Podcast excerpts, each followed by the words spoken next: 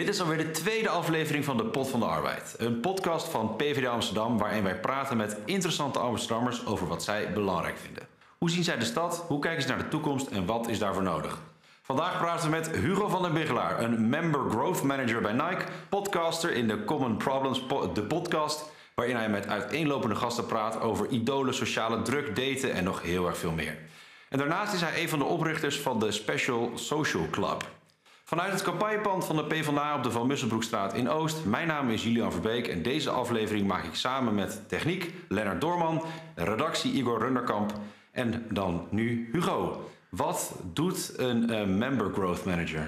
Uh, dat is een hele goede vraag. Uh, een Member Growth Manager, tenminste bij Nike, een Member Growth Manager, analyseert alle data die we krijgen vanuit, vanuit onze members. Dus als jij een, een aankoop doet of je doet een run uh, of je, klikt op content die je leuk vindt, dan gaan wij die data analyseren en dan gaan wij zeggen: oké, nou, we zien bepaalde kansen met die data en we zien bepaalde richtingen en bepaalde benefits die wij kunnen geven aan deze members.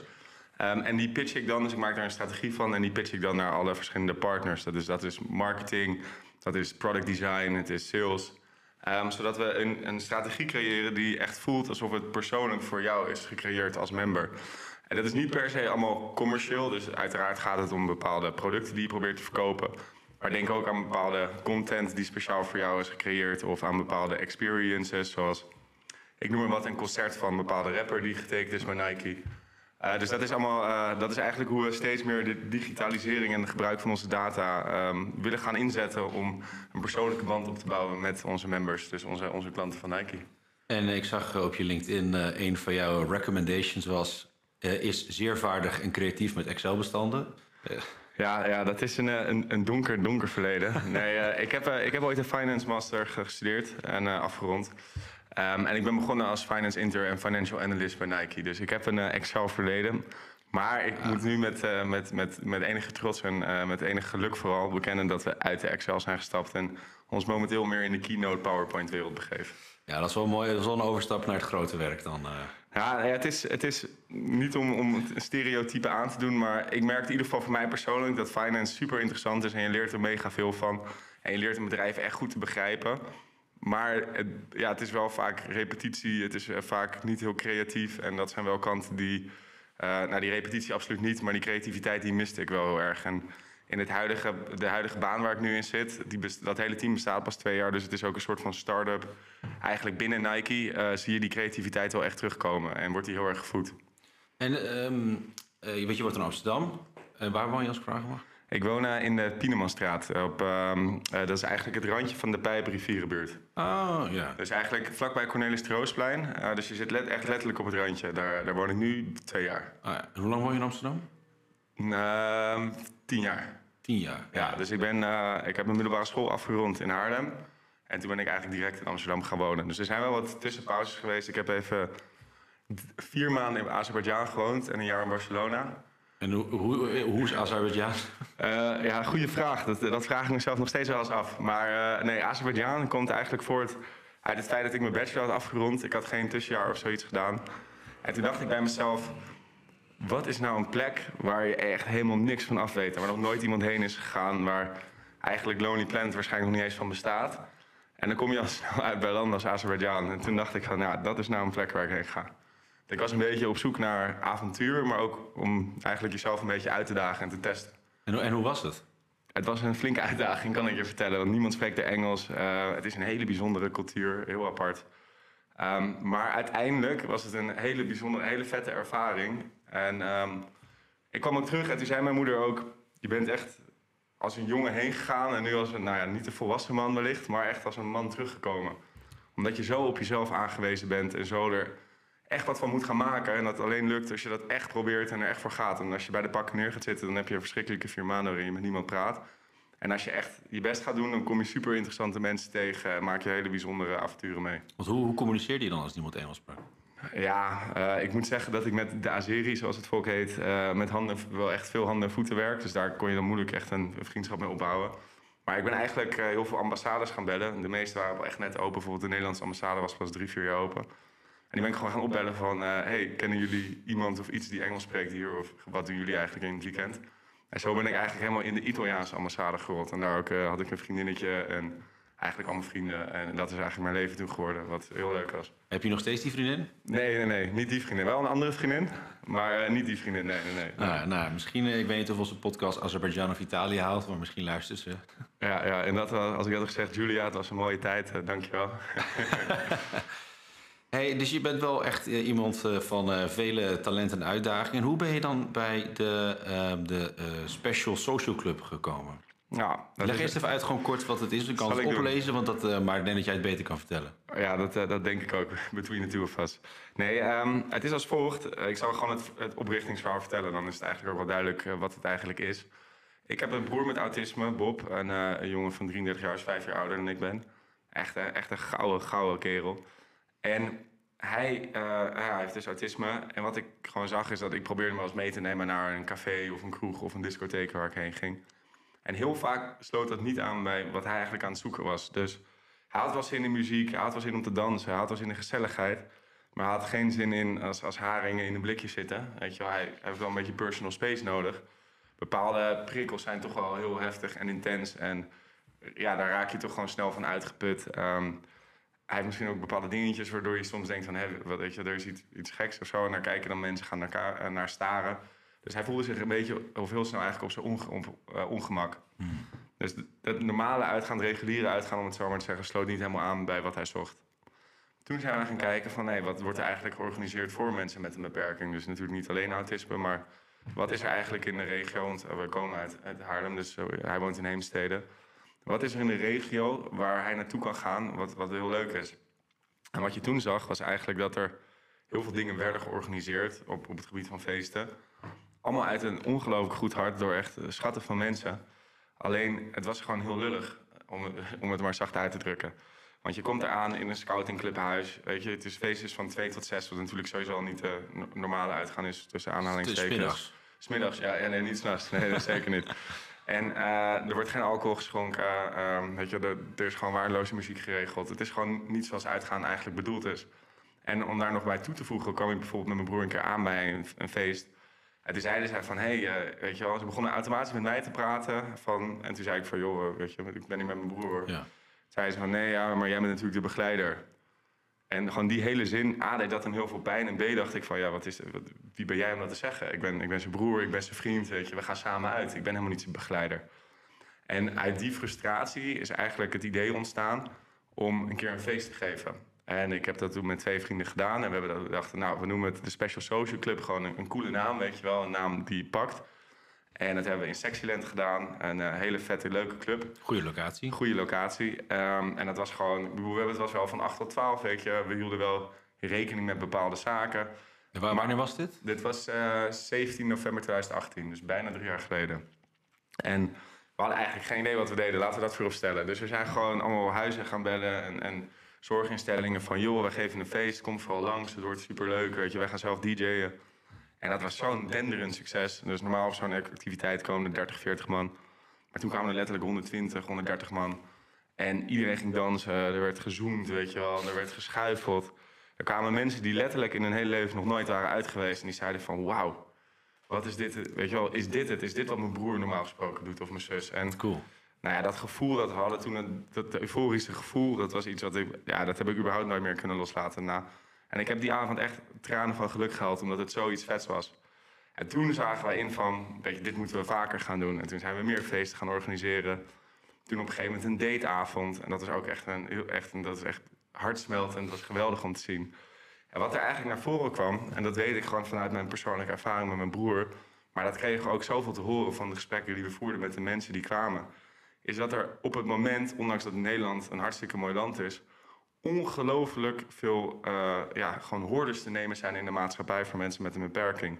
Vaak onbewust, soms bewust. Maar in ieder geval zorgt het ervoor dat op hele normale facetten, zoals uitgaan dus, maar daten, sporten, werk, er echt gigantisch veel frictie is. En dat er weinig mensen zijn die dat succesvol weten weg te nemen. Het wordt wel geprobeerd, nogmaals vaak vanuit echt een goed hart. Maar ik denk dat er, weet je, er, soms mist de ambitie, soms mist de know-how, soms mist het netwerk. Maar wat wij zagen was dat gewoon ja, er op al die facetten eh, drempels zaten. En toen hebben wij tegen onszelf gezegd: Weet je wat, we gaan, we gaan er echt hard in. We gaan gewoon proberen dat allemaal weg te nemen. Dus daar zijn we eigenlijk... Doe Feest is nog steeds onze core business, om het zo maar te zeggen. Maar toen hebben we, nou, toen hebben we een stichting opgericht. Een hele professionaliseringsslag gemaakt. En nu geven we eh, feesten. We gaan bijvoorbeeld eh, met de marathon mee rennen. Ehm, en dan gaan we, we hebben we mensen met een beperking en zonder beperking gelinkt aan elkaar. Zodat je dus met een buddy kan rennen. We, we duwen mensen met een rolstoel die finish over. Eh, en dat is gewoon, weet je, dat is gewoon een voorbeeld. Dat iemand in een rolstoel zou nooit meedoen aan de 8 kilometer run van de Amsterdam Marathon. Maar wij zeggen van, joh, je doet mee en wij duwen jou die finish over.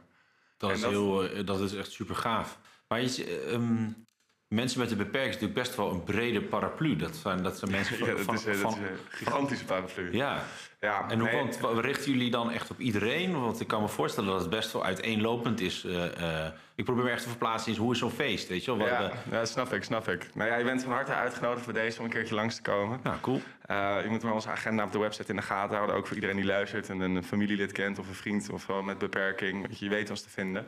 Ehm, maar we hadden initieel hadden wij dus het feest georganiseerd voor jongens. Of jongens, mensen moet ik zeggen, dat is ook dames. Maar mensen van 18 tot ongeveer 40, weet je, met, autisme eigenlijk. Omdat we dachten van, nou leuk. Weet je, uiteindelijk heb ik het georganiseerd voor mijn broer in eerste instantie. Ja. Zij dachten, dat sluit goed aan. Ook bij, weet je, hij zoekt ook een vriendin.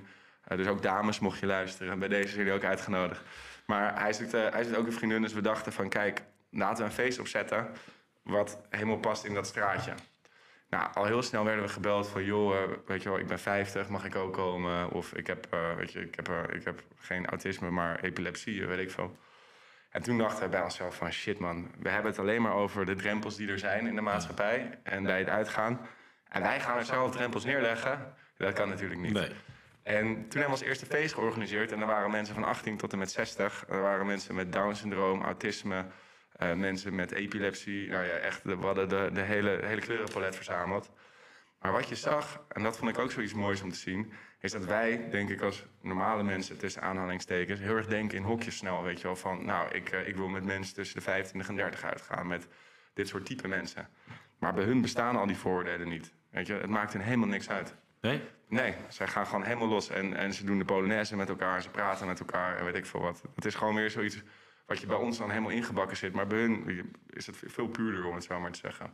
Ik, ik had ik, een, een, oom van mij, eh, Arnold, die is inmiddels overleden, maar die had Down. En die eh, zei wel eens over van mensen dat ze, met wie die werkt, op sociale werkplaats, ja, ja, die zijn niet helemaal goed. Eh, dat die, die zag wel altijd dat die, die ja, wij deden het allemaal gewoon zelf. Ik kom uit een hele grote familie, dus we zorgden dat er ieder weekend wel iets leuks gedaan werd voor hem. Maar met, met zijn peer group, als je dat moet zeggen, was er eigenlijk heel weinig.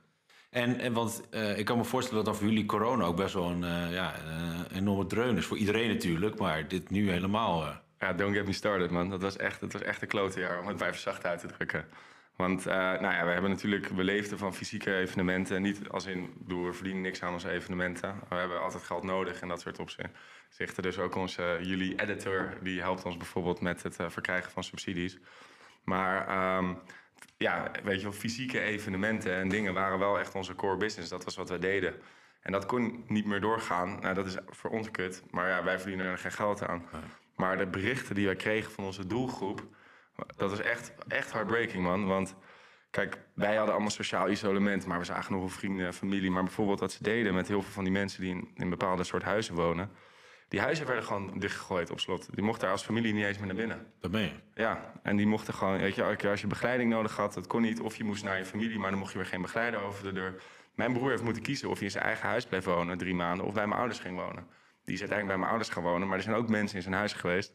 Die, ja, ik heb ja, sommige autisme, weet je, het is een verandering van omgeving. Dus, ja. dit is mijn huis. Die hebben dat gezien, die hebben hun eigen familie drie maanden niet gezien.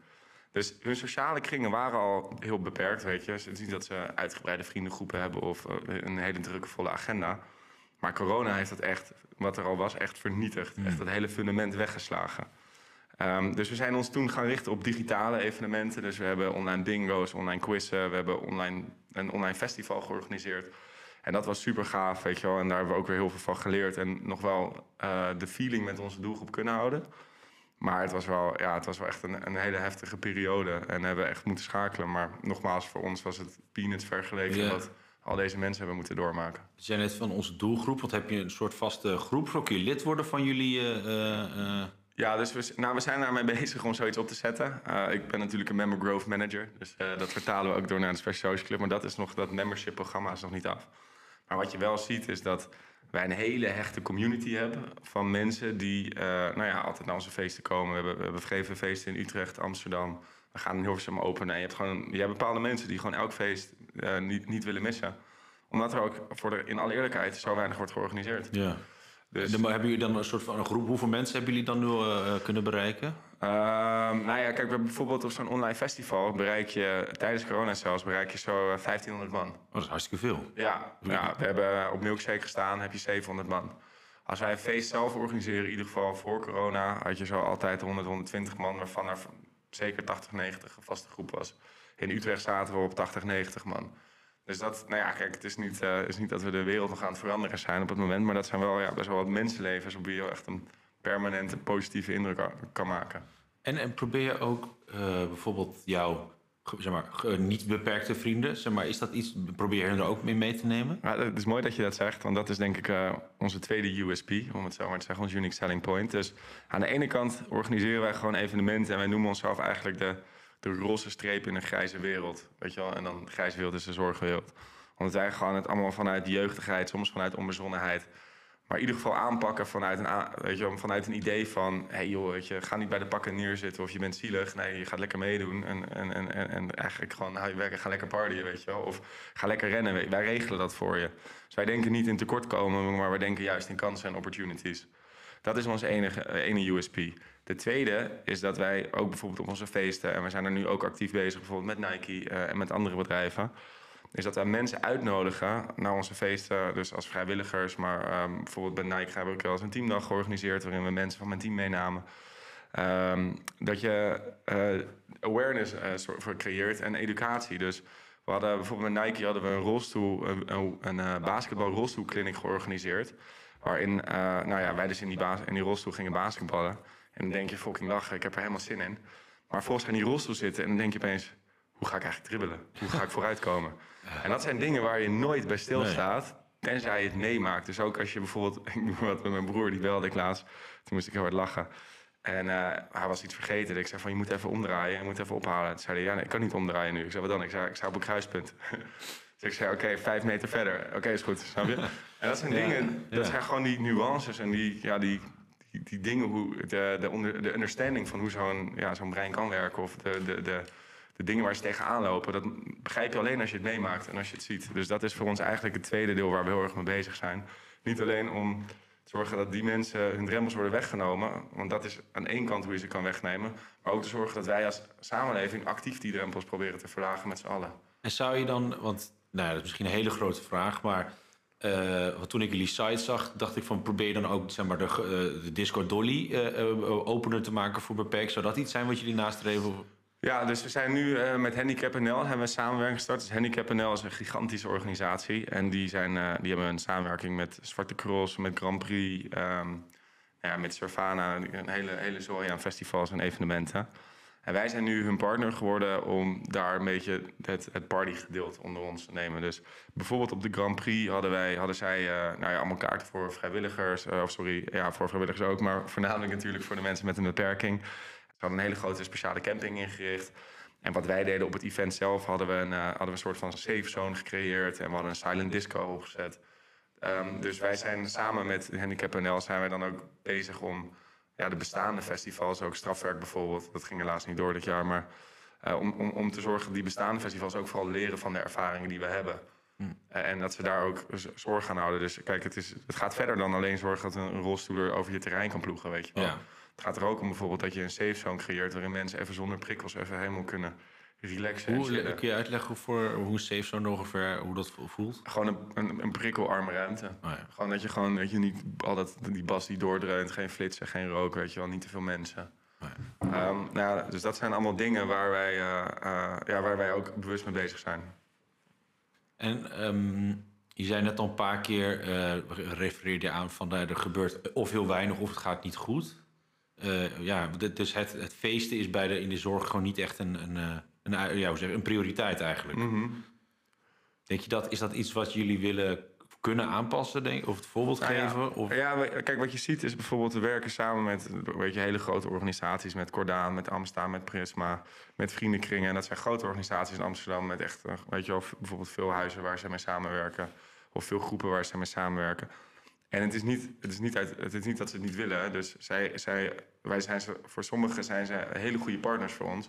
En zij actief sluiten zij hun huis aan bij de activiteiten die wij doen. En zeggen tegen hun begeleiders van... ga vooral naar die feesten. Weet je, we hoeven niet allemaal zelf uit te vinden. Eh, dit wordt georganiseerd voor Ja. ons, weet je, dus ga erheen. Dus het is niet dat, dat ze het niet willen, absoluut niet. Er is geen onwil of zo, als je dat bedoelt.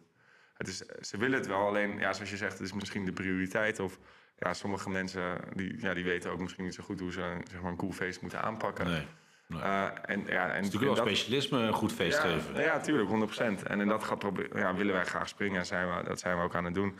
Maar ook bijvoorbeeld met sportevenementen, weet je wel. Ja, het is natuurlijk, kijk, wij zijn bijvoorbeeld nu met die run. Ja, dat is iets wat je misschien niet zo snel zal doen als huis, weet je wel. Wel misschien organiseren, maar hoe pak je dat aan, weet je wel. Wij doen ook, maken er echt een leuke middag van. Dus je gaat bij ons ontbijten met z'n allen. Je krijgt een, een vet Nike shirt met bedrukking.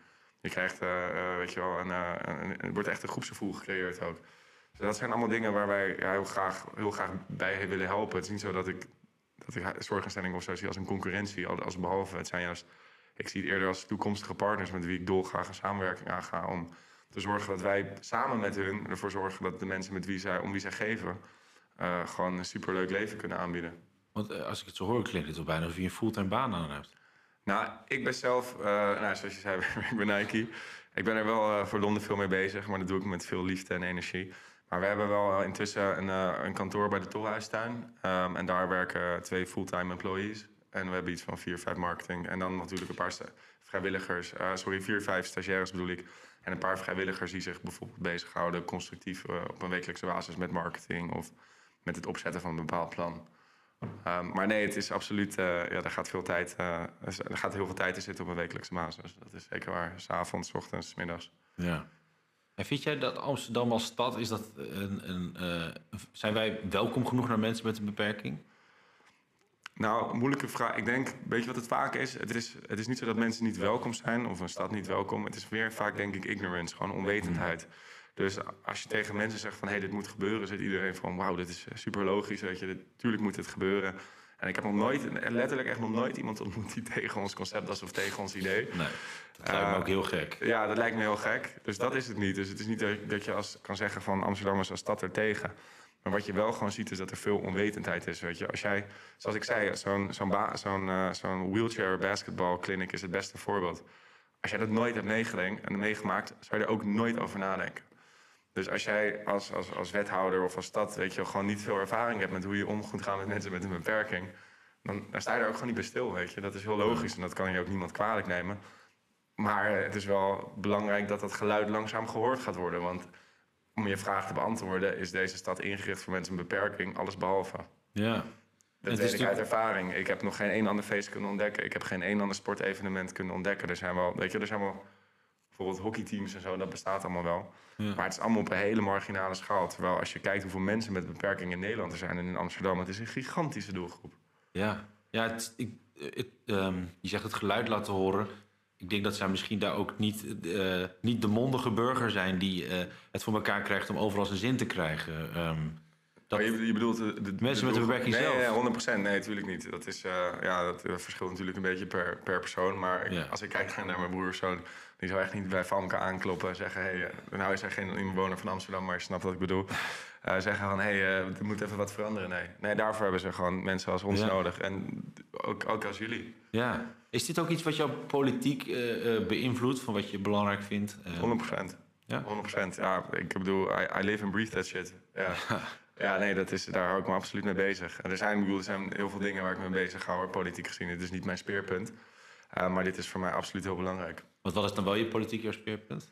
Nee, ik heb dus niet één speerpunt. Oh, uh, maar ik ben, ja, als, je het, als je het wil horen, ik ben pro-Europa, pro-legalisering van softdrugs. Uh, ik denk, ondanks dat ik zelf wel een mazzel heb gehad met de huizenmarkt, denk ik dat daar ook veel mis mee is. Um, dus dat zijn allemaal dingen waar ik me bezig hou. En ik denk misschien dat pro-Europa wel mijn grootste speerpunt is. Ja? Ja, ik geloof heilig, heilig in de Europese Unie. En de Europese Unie aan zich, hoe die zich nu uh, heeft gevormd, is, is een heel log, een slecht werkend ding. Maar het idee en, en de, um, ja, waar zij voor staan en waar we eigenlijk naartoe willen groeien. Uh, dat, daar sluit ik me helemaal 100% bij aan. Wat doet de Europese Unie ook actief op het gebied van mensen met een beperking? Nou, ik heb nog geen subsidie gezien, dus als je dat kan regelen. nou, maar, uh, ik kan Frans Timmans even voor je WhatsApp. Dan, ja, uh... ja, dat zou tof zijn. Nee, uh, ja, ze zullen er ongetwijfeld mee bezig zijn, maar ik zou dat in alle eerlijkheid niet precies weten hoe, hoe diep dat in die portefeuille zit. Ik heb in ieder geval persoonlijk, of laat ik zeggen in mijn omgeving of de mensen met wie ik praat, nog nooit wat van gemerkt. En ehm, wat, volg je ook de, de lokale politiek hier in de stad? ja, zeker, zeker, zeker. Wat, ja, hoe kijk je dan naar zo'n gemeenteraadsverkiezing? Uh, nou, ik, ik vind dat ongelooflijk belangrijk. Um, ik, ik, ik, bedoel, ik, ik heb me bijvoorbeeld nu nog niet echt ingelezen in partijprogramma's of zo. Dat zou ik eerlijk zijn. Dat doe ik wel altijd als ik ga stemmen. ga ik wel altijd het is ook nog best vroeg. Nee, maar ik bedoel meer van, ja. uh, weet je, wat is nou precies actief waar bijvoorbeeld de PvdA nu al mee bezig is? Of hoe hebben zij de, de afgelopen jaren gestemd en zo? Dat bedoel ik, dat soort dingen heb ik me nog niet ingelezen. Um, maar ik weet wel dat ik bepaalde dingen die nu al in de politiek vinden, uh, vind, ik, uh, vind ik heel dom. Uh, daar, weet je, daar kan ik me nu al echt al heel erg aan irriteren. En dat soort dingen spelen absoluut wel mee als ik mijn stem ga uitbrengen. Ja, kun je een, een tipje van de sluier geven? Ja, nou ja, zoals ik net al zei, bijvoorbeeld de legalisering van softdrugs. Ik denk dat wij. Ik bedoel, zelfs Amerika legaliseert softdrugs, weet je wel. Dus dat is. dat, dat, ja. dat wij als Amsterdam, wat ooit toch een voorloper op dit gebied was, dat wij er nu zo achterlopen. En dat wij dus zelfs bijvoorbeeld, en dat is een van de maatregelen waar ik op doelde, nu gaan zeggen dat um, buitenlandse mensen geen eh, softdrugs mogen kopen in Amsterdam. Ik kan je precies vertellen wat er gaat gebeuren. Het enige wat er gaat gebeuren met deze maatregel is dat er nog meer criminaliteit komt. Er gaat iemand op de hoek staan die letterlijk de shop naar binnen loopt, het haalt of niet eens de moeite neemt om in de shop te lopen. En dat gaat verkopen aan de toeristen. Want nou ja, ik heb zelf ook in ongeveer elke stad van Europa een jointje gerookt. Dat, dat, is niet het probleem, weet je. Dat is het probleem om te regelen is het niet. Dus waarom ga je het dan in godsnaam mm, zeg maar, nog meer criminaliseren... in plaats van dat je ervoor zorgt dat het gewoon wit gaat... Uh, dat je er zelfs belasting over kan heffen... en dat je alle, alle overlast die ook gaat ontstaan... omdat er dus mensen op de hoek wiet staan te verkopen... terwijl ja. er nu nog geen winkels gebeurt, tenminste... Um, dat je dat in de hand gaat helpen. Ja, over dat soort dingen, dan denk ik, we zijn zo krom als land.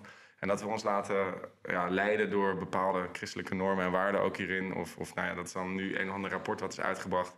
Wat zegt dat we de war on drugs moeten gaan opvoeren. Terwijl als je elk bewijs op aarde laat zien dat de afgelopen 50 jaar erin desastreus is geweest.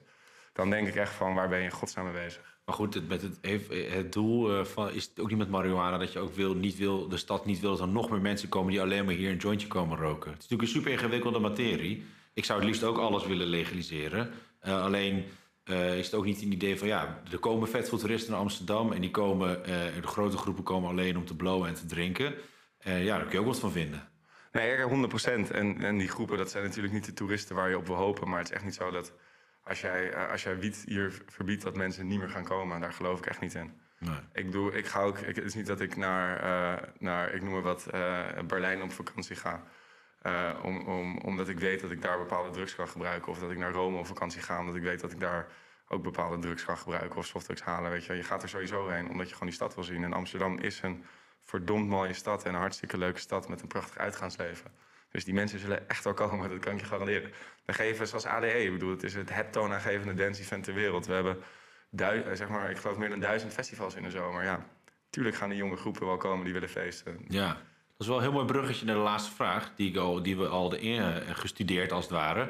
Um, ik dacht dat we hadden afgesproken dat ik hem even uit de losse pols zou gooien. Ah, maar is nou, goed, we, knippen, we knippen het er gewoon uit. Is goed, is goed. Uh, wat, welk, um, Welk plekje of welk ding in Amsterdam vind jij dat, uh, dat mensen zouden moeten zien? Oeh, daar zou ik heel veel over nadenken. Nee, dat heb ik al gedacht uh, voor de luisteraar.